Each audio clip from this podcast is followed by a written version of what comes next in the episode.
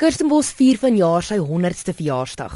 Kirstenbos het 'n besondere erfenis en is die eerste botaniese tuin wat gestig is met die uitsluitlike doel om inheemse plante groei te bewaar. Martelies Brink was daar in die hartjie van die feesvieringe en daar het sy met Roger Oliver, 'n tuinboukundige gepraat wat haar onder meer van die toekomsplanne van die tuin vertel het. Kirstenbos lyk pragtig soos gewoonlik en hier in die Kaap word die 100 jaar viering dan 'n verdaan herdenk. Vandag is Kirstenbos 100ste verjaardag 1913 tot 2013 en ons gesels met Roger Oliver, hy's Kirstenbos tuinboukundige. Roger, hoe lank is jy al hierby betrokke? Ek is self vir die afgelope 13 jaar betrokke by plante en vir die laaste 3 jaar is ek hier op Kirstenbosch. Ek was natuurlik voorheen hier as 'n student en as 'n intern. Toe was ek terug Pretoria toe en toe kom ek weer Kaap toe. Die fynbos het my hart gelok. Baie geluk met jou verjaardag wil ek dan nou sê, julle verjaardag. Is lekker gevoel. Ag ja, ja, nee, ons het 'n lekker verjaarsdag gehad en uh, ons het baie mense, baie besoekers gehad vandag. Die tuin het uh, was beslis baie woelig en nou vanaand natuurlik die gala geleentheid. So ja. Julle is reg om partytjie te vier vanaand by die gala geleentheid. Hier is om 'n hele paar mense wat gaan kom en um, lekker musiek in die agtergrond. Dit word bestempel as Afrika se mooiste tuin. Maar vertel vir ons, hoekom is Kirstenbosch vir ons so belangrik?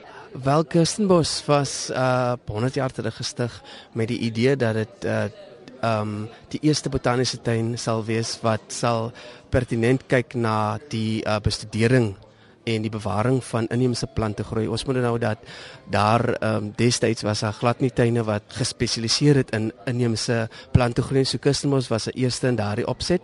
En natuurlik het die tuin gegroei in statuur. Dis natuurlik ook die soort van hooftuin onder die Senbi Vandel. As almal praat van tuine en inheemse plante groei, dan dink almal outomaties aan Kirstenbos. Goed, noem vir my van die hoofplante in Suid-Afrika wat as inheems bestempel word. En van die belangrikste Wel as ons dink net aan die uh geelhoutboom wat ons 'n nasionale boom is, ons dink aan die koningsprotea, ons dink aan die talle bolplante, ons dink aan die Namakolandse daisies, ons dink aan die disa en uh as ons kan dink aan byvoorbeeld die krematart en ek dink ons natuurlik aan die akasia karoos. Uh ja, dit is onder meer van die uh gunsteling of die meer bekende plante in Suid-Afrika. Ons weet daar is baie omgewingsbekommernisse. Watter van hierdie inheemse plante is onderdruk? Wel daar is heelwat plante wat onder druk is. Daar's natuurlik 'n paar wat ook al uitgesterf is, maar wat Kirstenbos 'n rol gespeel het om hierdie plante dan nou weer terug in die natuur te vestig. Ons wag in spanning om te kyk hoe en watter resultate dit sal lewer. Het jy 'n paar voorbeelde vir ons? 'n uh, Voorbeeld van 'n uh, so tipe plant is byvoorbeeld die Erica verticillata wat hier in die omgewing van Kaapstad uh, voorgekom het, totaal uitgesterf het en net die oplettendheid byvoorbeeld van uh, een van die terreinwerkers wat 'n uh, plant daar in afsondering op die kus in ons landgoed afgekom het. Hy het die tuinboukundige geroep en hulle uitgevind maar dit is 'n uitgesterfde plant. En toe was daar meer in diepte gekyk en hulle het gevind dat daar eintlik ook uh, variante by sekere ander plekke in Europa was en toe is daar stelselmatig begin om van hierdie variante uh, na Kirstenbosch te bring en ons is heidaglik besig met restaurasieprosesse om dit uh, te monitor en natuurlik ook te plant in sekere areas. Roger, net as mens dink aan die spesies wat op Tafelberg vervat word. Waardeer ons dit regtig? Ek sou sê miskien 50-50 want al hoe meer spesies verkeer onder druk, maar dan moet 'n mens ook daarmee kyk byvoorbeeld na daar's toenemende druk om werk te verskaf aan mense, mense wat na die stede opruk, daar is 'n behoefte om huisvesting te verskaf aan mense en ook uh, gewone ander uitbreiding. So dis 'n situasie wat uh, nogal soms uh, kommerwekkend is as jy reg gaan kyk. As jy dink byvoorbeeld in 1992 was daar um, 'n vygie wat in Makassar se area voorgekom het en hierdie as gevolg van behuisingsnood het mense daar vir hulle gaan uh vestig daarso en hierdie plant het ons net 'n paar in Kirstenbos uh beskikbaar so daar is 'n toenemende druk en dit is net plante wat miskien in jou uh berges voorkom wat mense hulle noodwendig sal vestig wat miskien minder druk het maar op die laagliggende gedeeltes en veral na by die stede dit verkeer redelik onder groot druk Wat moet ek nou plant in my tuin? Jy's nou die kundige hier, die tuinboukundige. Vertel vir ons, wat sal julle as mense by Kirstenbosch vir ons voorstel om by die huis te plant? Wat moet ons ondersteun? Wel ek sou sê eerstens inheems natuurlik, maar dan is dit om plante van jou area, so miskien om te sê endemies, maar inheems en dan is dit ook natuurlik moet jy kyk, jy gaan miskien huise daar. So dit beteken jy moet jou jou mikroklimaat in ag neem of as jy net volson area het, dan kan jy gaan met plante wat volson is. En as jy miskien 'n boom wil hê, plante boom, jy gaan miskien nie die resultate sien onmiddellik nie, maar jy moet miskien kyk ook na jou grond, dat die suurheidsvlak van die grond en as jy daardie faktore in ag geneem het, dan kan jy miskien begin met 'n lekker tuintjie aanslaan.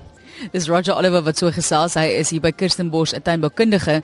Ons is nou gebaseer in die Kaap. Kirstenbosch is gebaseer in die Kaap, maar Sanbi werk natuurlik reg oor die land. So vertel vir ons in ander dele van Suid-Afrika hoe dit ook gevier word en watter tipe van endemiese plante ons op daai manier in ander dele van die land ook moet ondersteun. Wel, byvoorbeeld ons het gehad op Wêreld Biodiversiteitsdag was daar byvoorbeeld openings by al die tuine of hulle het tentoonstellings gehad van die werk wat Sanbi doen en dit was ook gratis om by die tuine uit te kom. So die publiek kon sien met al die aktiwiteite wat Kussenbos doen en natuurlik het ons ook soos ons hier het um restaurasieprojekte by sekere van die tuine aan die gang. Ons het miskien noodwendig nie daar die mannekrag om dit te doen nie, maar plek tot plek gaan hierdie beweeg vorentoe en uh, uh ek dink en ek is verseker miskien oor die volgende 3 tot 5 jaar sal ons miskien daadwerklike resultate daar sien. Nou net laasens, dis 'n groot toeriste attraksie of aanloklikheid vir mense reg oor die wêreld om Kirstenbosse te kom. 'n So pragtige tuin, pragtige plek om te besoek. Hier's baie feeste of dan nou musiek vertonings wat hierso plaasvind en toe ek stop hier voor, dis 'n hele klomp bussies, toerbussies en so. So watter rol speel Kirstenbosse in terme van toerisme in Suid-Afrika? Ek dink Kirstenbos omdat hy geleë is in 'n wêrelderfenisgebied en die, en die feit dat hy die uitleef van Kirstenbos is 'n baie organiese, so hy het daardie soort van die ruwe element wat hy daar lê aan die agterkant van Tafelberg. So hy is sinoniem met dit en ek dink hulle voel hulle doen 'n bydrae tot bewaring. Hulle, hulle kom miskien noodwendig om ehm um, miskien die tuin te besoek, miskien vir plante nie, maar ook konserte en dit is miskien 'n stelselmatige poging om mense miskien betrokke by plante te kry. So Kirstenbos doen 'n baie wonderlike deel as 'n toeriste attraksie en ons het baie groot besoekersgetalle oor die 750 000 mense wat Kirstenbos tans jaarliks besoek. So Kirstenbos is beslis onder van die grootste attraksies. En ons weet oor see met die Chelsea blomme skou doen Kirstenbosch altyd fantasties. Maar net laastens van jou kant af, wat lê voor vir Kirstenbosch? Dis nou 100 jaar later. Wat wil julle op fokus in die volgende dekade byvoorbeeld? Een van die hooftaak vir ons is die spesies wat so onder druk verkeer. So ons wil meer van die ehm um, sade versamel en ons wil in die tuin homself as uitstallings in ons beddings wil ons meer van hierdie spesies uitstal en dan ook in die restaurasie area wil ons meer fokus en natuurlik meer op 'n navorsingskomponent wil ons wil ons graag fokus. Dis net vir die uh, tuin komponent van Synbie. Weereens geluk met die 100ste verjaardag van Kirstenbosch. Geniet dit vanaand en die harde werk wat julle doen. Baie dankie Martelies.